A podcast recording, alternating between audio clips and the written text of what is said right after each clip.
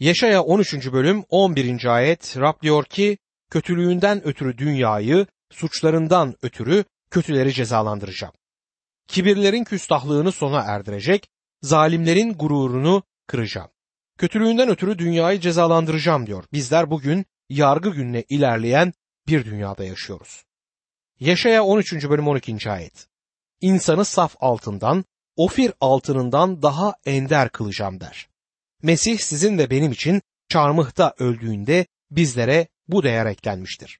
Yaşaya 13. bölüm 13 ila 16. ayetler de bizlere büyük sıkıntı zamanının Tanrı'nın kendisi için kalanları saklamaya, kimsenin kurtulamayacağı dünya çapında büyük bir yıkım zamanı hazırlamaya başladığını söyler. Ve insanın gününde Babil'in yıkımı da anlatılacaktır. Yaşaya 13. bölüm 17. ayette gümüşe değer vermeyen, altını sevmeyen medleri onlara karşı harekete geçireceğim der. Medler kimlerdir? Medler ve Persler Babil'i fetheden ikili bir ulus ve büyük bir imparatorluğu oluşturan insanlardır. Yaşaya yakın gelecekte gerçekleşecek bir olaydan söz ediyordu. Babil'i yok edecek olan Medler tanımlanmaktaydı. Bu peygamberlik gerçekleşmiştir. Babil bu dünyada var olmuş olan en büyük krallıktı. Makedonya İmparatorluğu büyüktü, Mısır İmparatorluğu büyüktü ve Roma İmparatorluğu da büyüktü. Bir zamanlar Büyük Britanya için büyük bir ulus denmekteydi ama hiçbir şeyin Babil'in görkemiyle kıyaslanabileceğini sanmıyorum. Tanrı sözü ondan Kildanilerin kusursuzluğunun güzelliği olarak söz eder ve Tanrı o kusursuzluğu Sodom ve Gomorra'yla devirmiştir. Bütün yapmanız gereken neler olup bittiğini anlamak için antik Babil'in yıkıntılarına bakmaktır. Babil bir daha asla yeniden bina edilmeyen büyük bir şehir olarak kaldı. Başka büyük şehirler yeniden bina edilmişlerdir. Bu özellikle Yarışilim için doğrudur. Roma yok edilmiş ve yeniden bina edilmiştir. Almanya'daki şehirler bombalanmış, tamamen yerle bir edilmişlerdir. Almanya'nın Frankfurt şehri yerle bir olmuştu ve oranın küllerinden büyük bir şehir tekrar bina edildi. Ama Babil bir daha inşa edilemedi. Tanrı orada bir daha kimsenin yaşamayacağını söylemişti. Gelecekte Babil'in içinde insanların oturacağı doğrudur ama bu şehir antik Babil'in bulunduğu yerde olmayacaktır. Bu şehir tekrar başka bir yere inşa edilebilir. Babil kargaşayı temsil eder ve gelecekteki Babil büyük bir ticaret merkezi, büyük bir dinsel merkez, aynı zamanda büyük bir politik güç merkezi ve yeniden dünyanın eğitim merkezi olacaktır. Yaşaya 13. bölüm 20. ayette orada bir daha kimse yaşamayacak. Kuşaklar boyu kimse oturmayacak. Bedeviler çadır kurmayacak. Çobanlar sürülerini dinlendirmeyecekler. Babil nasıl olup da yok edilip buna karşın son günlerde gerçek bir şehir olarak ortaya çıkabilir. Antik Babil'in antik yeri şimdiki Fırat nehrinden 3 kilometre kadar uzaktadır. Nehir Antik Babil kentinin içinden bir kanalla geçmekteydi. Antik yere hiçbir zaman yeniden bir şehir yapılmamıştı ama Babil bir başka yere yeniden inşa edilecektir. Antik Babil'in harabeleri gerçekleşmiş peygamberliğin gerçekçi bir resmi olarak bugün elimizde durmaktadır. Geçmişte Babil'de kazılar yapan birkaç kişi Arapları harabelerin yanındaki kampta tutamadıklarını söylemişlerdi. Araplar her zaman geceyi bölge dışında geçirirlerdi. Çünkü batıl inançları vardı. Tanrı'nın Babil'de çadırlarını kurmayacaklarını çok önceden söylemiş olması çok ilginç değil mi? Yaşaya 13. bölüm 21 ve 22. ayetlerde orası yabanıl hayvanlara barınak olacak. Evler çakallarla dolacak. Baykuşlar yuva yapacak, tekeler oynaşacak orada. Kalelerinde sırtlanlar, görkemli saraylarında çakallar uluyacak. Babil'in sonu yaklaştı. Günleri uzatılmayacak der. Orası yabanıl hayvanlara barınak olacaktır. Harabelerin arasına aslanların yuva yaptığı gözlemlenmiştir. Yabanıl tekeler orada dolaşacak. Burada yaban keçileri olarak çevrilen sözcük aslında cinlerdir. Ve öbür sözcükte dolaşacak değil, dans edecektir. Babil'de cinler dans edecek. Cinlerin dansına gitmek istiyorsanız gitmeniz gereken yer Babil'dir. Bazı kentlerde şeytana tapan insanlar olduğunu duydum. Şeytana tapan bir kilisenin üyesi olduğunu iddia eden bir genç adam bir gün bizim kilise toplantımızdan sonra yanıma gelip bana çok öfkeli bir şekilde saldırdı cinlerin gerçek olduğu konusunda ısrarlıydı ve onlara taptığını söylüyordu. Cinlerin gerçek olduğu konusunda ona hak verdim. Ama onlara tapmak konusunda kendisini uyardım. Sonra Ona hiç cinlerle dans edip etmediğini sordum. Bana hayretle bakıp hayır dedi. Bunun üzerine ona onların nerede dans ettiklerini söyledim. Ona cinlerin Babil'in harabelerinde dans ettiğini aktardım. Şakacı bir biçimde ona neden oraya gitmiyorsun? Neden işi yarım yamalak yapıyorsun? İşi yarım yamalak yapma. Yapacaksan tam yap dedim. Antik dünyada Babil putperestlik merkeziydi. Belli ki cinler bu yeri kendilerine bir toplantı yeri olarak seçmişlerdi. Gelecekteki Babil yeryüzünün büyük bir merkezi haline gelecektir. Adı Mesih karşıtı olan günah insanı, inatçı kral orada egemenlik sürecektir. Tıpkı antik Babil gibi yok edilip gidecektir. Babil gerçekleşmiş peygamberliğin doğruluğu ve Tanrı'nın gelecekteki Babil'i yargılayacağı gerçeğine bir kanıt hem de anıtsal bir kanıttır. Yaşaya 14. bölümde Babil'in son olarak yok edilişinden sonra kurulacak olan Milenyum Krallığında kötülüğün başladığı ve yargının gerçekleştiği yer olan Babil'in yok olması konu edilmektedir. Aynı zamanda Yaşaya 14. bölümde Filistlilerin yükü konu edilmektedir. Bu bölüm 13. bölümden başlayan Babil'in yükünün devamıdır. Babil'in yükü aslında Babil üzerine bir yargıdır. Babil Tanrı'nın yargısının üzerine geleceği birkaç ulus arasında ilk sırayı almaktaydı. Yargılanan ulusların her birinin İsrail'le ya fiziksel bir yakınlıkları ya da politik bir ilişki içerisinde olmaları enteresandır. 14. bölümde büyük konular ele alınmaktadır. Kötülüğün çıkışı ve yargılanması ve bu dünyadan son olarak yok edilmesi bu bölümün ana konusunu oluşturmaktadır. Yerel durumlar ve uluslar bu dünya çapındaki temalar ve sonsuz konuların birer dışa vurumu gibidir. Yaşaya 14. bölümde. Bu bölüm ulusları ve bu yaşamın sorunlarını araştırmak için mikroskobun altına koymak yerine onlara teleskopla bakacaktır. Bu bölüm Babil'in nihai yargısından ötürü sevinçli bir havayla başlar. Bütün korkular ve tehlikeleri kaldırarak milenyum krallığı artık kurulmuştur. Etrafta Tanrı'nın hiçbir düşmanı görünmemektedir. Bunun nedeni olarak buradaki ve Yaşaya kitabının diğer bölümlerindeki yargı gösterilmektedir.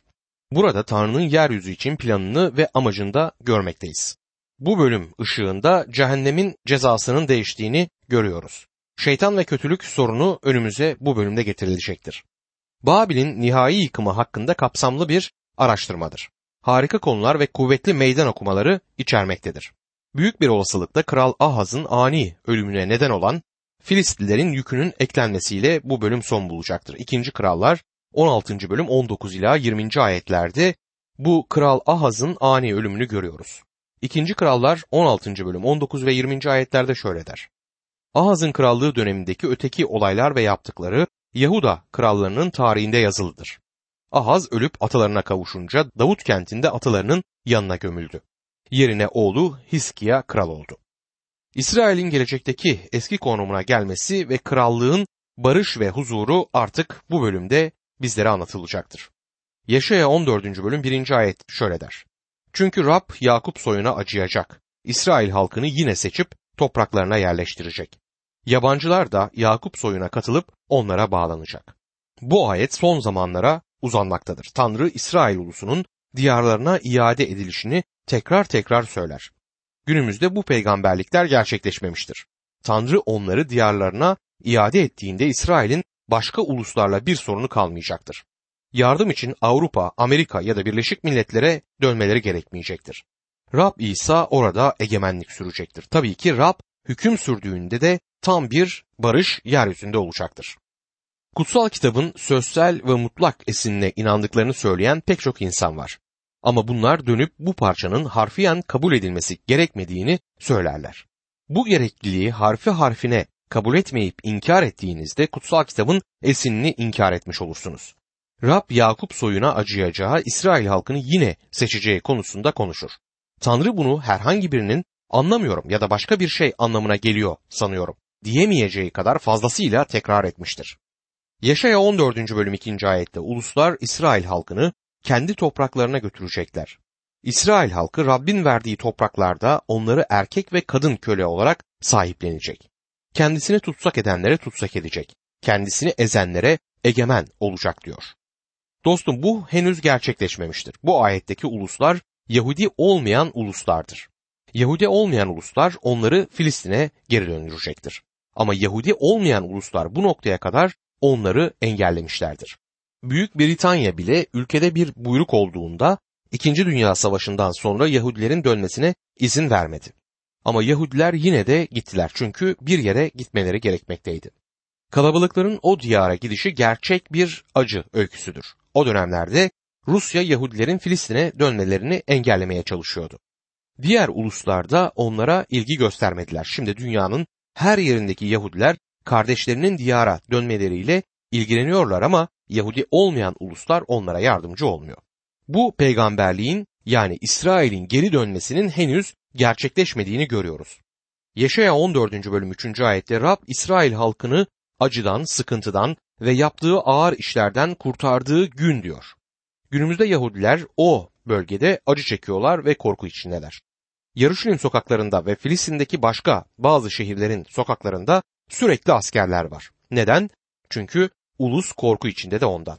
Her şey dursa bile hala korku içinde olacaklar. Onlar için üzüntü ve acıların sonu olmayacak. Yaşaya 14. bölüm 4. ayette Babil kralını alaya alarak halkı ezenin nasıl da sonu geldi diyecekler. Zorbalığı nasıl da sona erdi. Bence bu parçadaki Babil son günlerde karargahı Babil'de olacak büyük düşmanı temsil eder. İsrail'in bütün düşmanlarını bu ayetteki Babil kralı sözü temsil etmektedir. Babil bu ulusun kronik düşmanıydı. Yaşaya 14. bölüm 5 ve 6. ayetlerde ise Rab kötülerin değneğini, egemenlerin asasını kırdı. O asa ki halklara gazapla vurdukça vurdu. Ulusları öfkeyle, dinmeyen zulümle yönetti diyor. Bu ayetler büyük sıkıntı döneminin sonundaki son yargıdan söz eder. Yargının gerçekleşmesi gerekmektedir. Bu dünya yargılanmalıdır. Burada çok fazla adaletsizlik görünüyor. Birisinin yargıyı ele alması gerekecektir. Ve bu kişi ben olmayacağım için Tanrı'ya şükrediyorum. Bu konularda insanlara güvenmek zorunda olmadığımız için minnettarım. Yargılamayı Rab İsa yapacaktır. Yaşaya 14. bölüm 7 ve 8. ayetlerde. Bütün dünya esenlik ve barış içinde sevinçle haykırıyor. Lübnan'ın çam ve sedir ağaçları bile kralın yok oluşuna seviniyor. Onun ölümünden beri kimse bizi kesmeye gelmiyor diyorlar. Bu parçada tanımlanan olay henüz gerçekleşmemiştir. Armagedon savaşı ve Mesih'in gelişinden sonra yeryüzüne esenlik ve barış gelecektir. Üzüntü yerine şarkılar duyacaklar. Üzüntü yerine şarkılar olacaktır. Ağlayış sadece gece olacaktır. Sevinç sabahı gelmiştir. Dünyanın son yöneticisi ölüler diyarına atılacaktır. Yaşaya 14. bölüm 9. ayette şöyle der. Toprağın altındaki ölüler diyarı Babil kralını karşılamak için sabırsızlanıyor. Onun gelişi ölüleri dünyanın eski önderlerini heyecanlandırıyor. Ulusları yönetmiş kralları tahtlarından ayağa kaldırıyor der. Bu ayetteki ölüler diyarı Şehol'dur. Cehennem mezarı ya da işkence yeri anlamına gelmektedir. Belli ki burada bu anlam kullanılmıştır. Yaşaya 14. bölüm 10 ve 11. ayetlerde hepsi ona seslenip diyecekler ki sen de bizim gibi gücünü yitirdin, bize benzedin. Görkemin de cenklerinin sesi de ölüler diyarına indirildi. Altında kurtlar kaynaşacak, üstünü kurtçuklar kaplayacak. İnsanın bütün görkemi alınmıştır. Şeytan ve kötülüğün başlangıcında Yaşaya 14. bölüm 12. ayetten itibaren görmekteyiz. 12. ayette ey parlak yıldız seherin oğlu göklerden nasıl da düştün. Ey ulusları ezip geçen nasıl da yere yıkıldın diyor. Lucifer şeytandır. Hezekiel 28. bölüme göre Lucifer Tanrı'nın şimdiye kadar yaratmış oldukları arasında en yüksek olanıdır ama o bir Yahuda İskaryot'tu. Tanrı'ya düşman oldu. Kendi isteğini Tanrı'nın isteğinin üstünde tuttu. Rab İsa Luka 10. bölüm 18. ayette İsa onlara şöyle dedi. Şeytanın gökten yıldırım gibi düştüğünü gördüm. 1. Yuhanna 3. bölüm 8. ayette. Günah işleyen iblistendir. Çünkü iblis başlangıçtan beri günah işlemektedir. Tanrı'nın oğlu iblisin yaptıklarına son vermek için ortaya çıktı der. Ve sonra Vahiy 12. bölüm 7, 8 ve 9. ayetlerde. Gökte savaş oldu. Mikail ile melekleri ejderha ile savaştılar. Ejderha kendi melekleriyle birlikte karşı koydu ama gücü yetmedi. Bu yüzden gökteki yerlerini yitirdiler. Büyük ejderha, iblis ya da şeytan denen bütün dünyayı saptıran o eski yılan melekleriyle birlikte yeryüzüne atıldı denmektedir. Bu Lucifer denilen yaratığın başlangıçtaki resmidir. Bütün diğer yaratıklardan daha yüksek olarak yaratılan bu yaratığın günahı neydi? Peki son analizde günah nedir? Bunu felsefi olarak değil, teolojik olarak söylemek istiyorum. Günah nedir? Yaşaya 14. bölüm 13 ve 14. ayet içinden göklere çıkacağım dedi. Tahtımı Tanrı'nın yıldızlarından daha yükseğe koyacağım.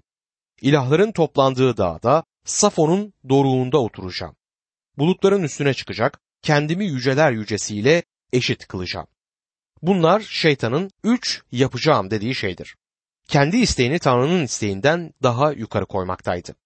Bu günahın cenin halidir. Bu kötülüğün evrimidir. İnsanın evrimi diye bir şey yok ama günahın evrimi diye bir şey var. Yaratığın kendi isteğini Tanrı'nın isteğinin önüne koymasıyla bu evrim başladı. Özgür iradeye sahip biri olarak yaratığın bunu yapmasına izin verilmemiştir.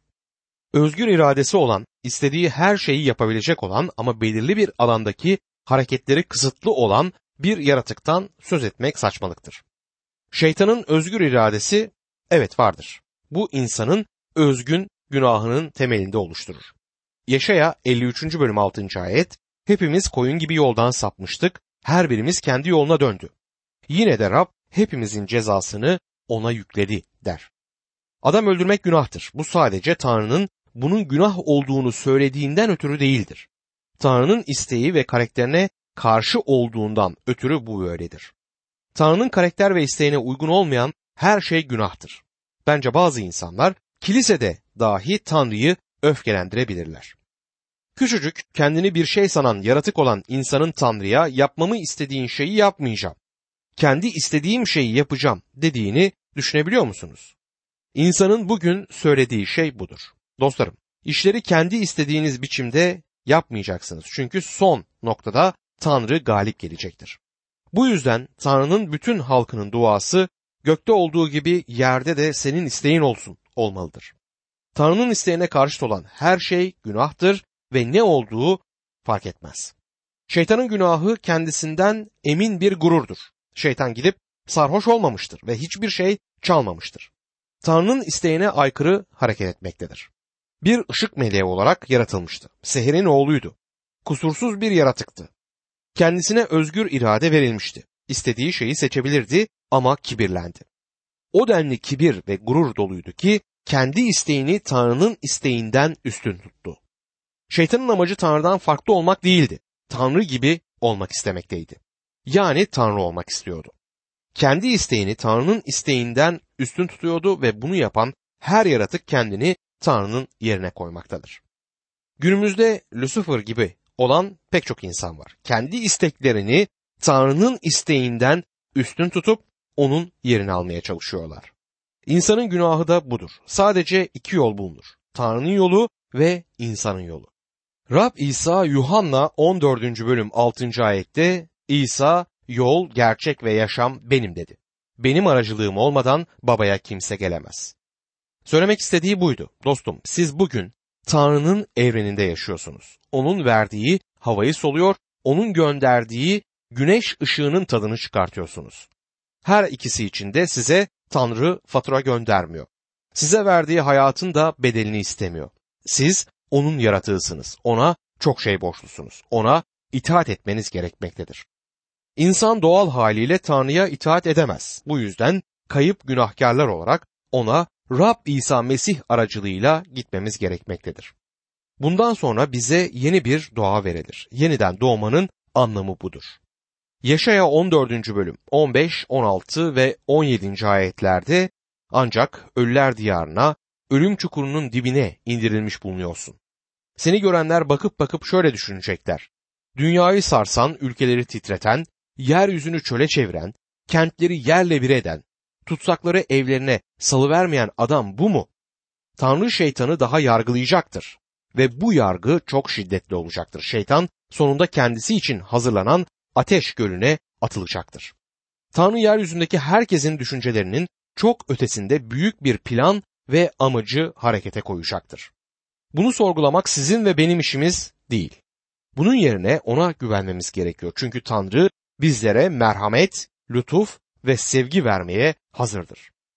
Babil'in gelecekteki isyanına bakalım. Yaşaya 14. bölüm 18. ayette ulusların bütün kralları tek tek görkemli mezarlarda yatıyor der. Babil şeytan tarafından yönetilmekteydi. Şeytanın Rab İsa'ya bu dünyanın krallıklarını sunduğunu Luka 4. bölüm 5 ila 7. ayetler arasında hatırlarız. Luka 4. bölüm 5, 6 ve 7. ayetlerde.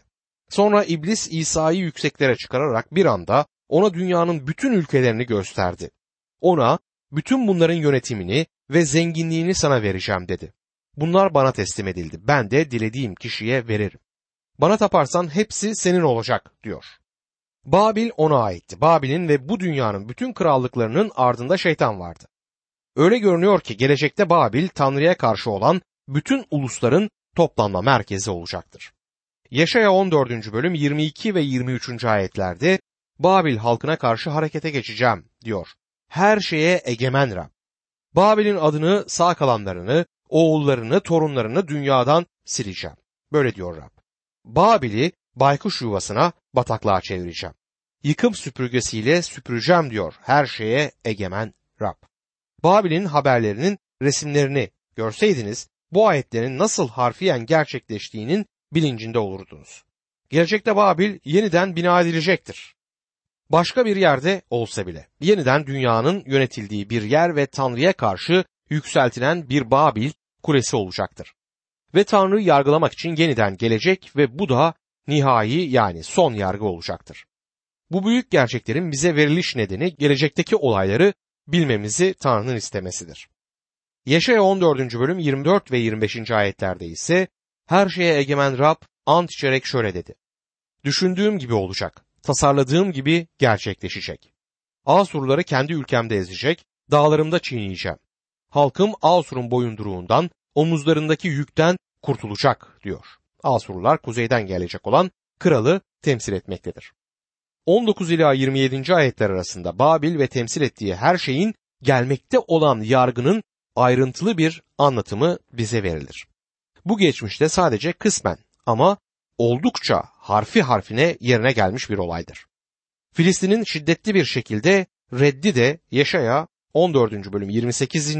ayetten itibaren anlatılır. 28. ayette Kral Ahaz'ın öldüğü yıl gelen bildiri diye başlar. Bu noktada Ahaz'ın ölümüyle hızlanan Filistin'in yükünden söz edilmektedir. Ahaz 16 yıl boyunca hüküm sürmüş ve kötü bir kral olmuştu. Halk onun da ardından kötü bir kral geleceğini düşünmekteydi. Ama ondan kurtuldukları için mutluydular. Ardından iyi bir kral gelmesi çok küçük bir ihtimaldi ama gerçekleşti. Yaşaya 14. bölüm 29. ayette Ey Filistliler! Sizi döven değnek kırıldı diye sevinmeyin. Çünkü yılanın kökünden engerek türüyecek. Onun ürünü uçan yılan olacak diyor.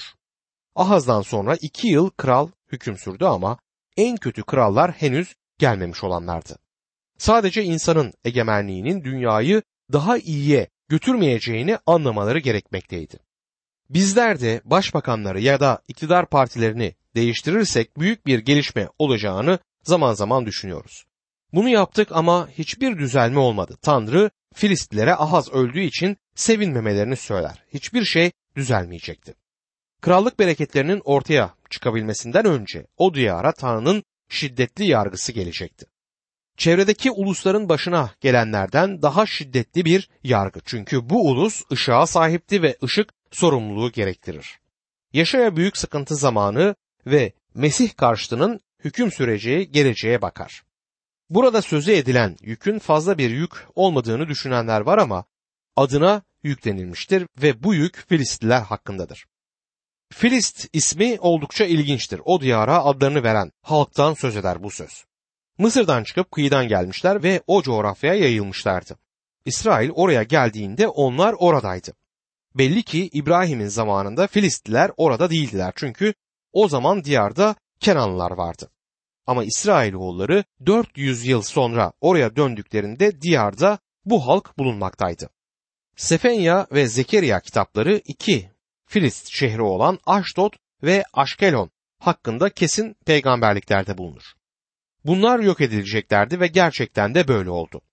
30, 31 ve 32. ayetler yargıyı ayrıntılı bir şekilde tanımlamaktadır ve bu yargının oldukça şiddetli olacağı bu ayetlerden anlaşılır.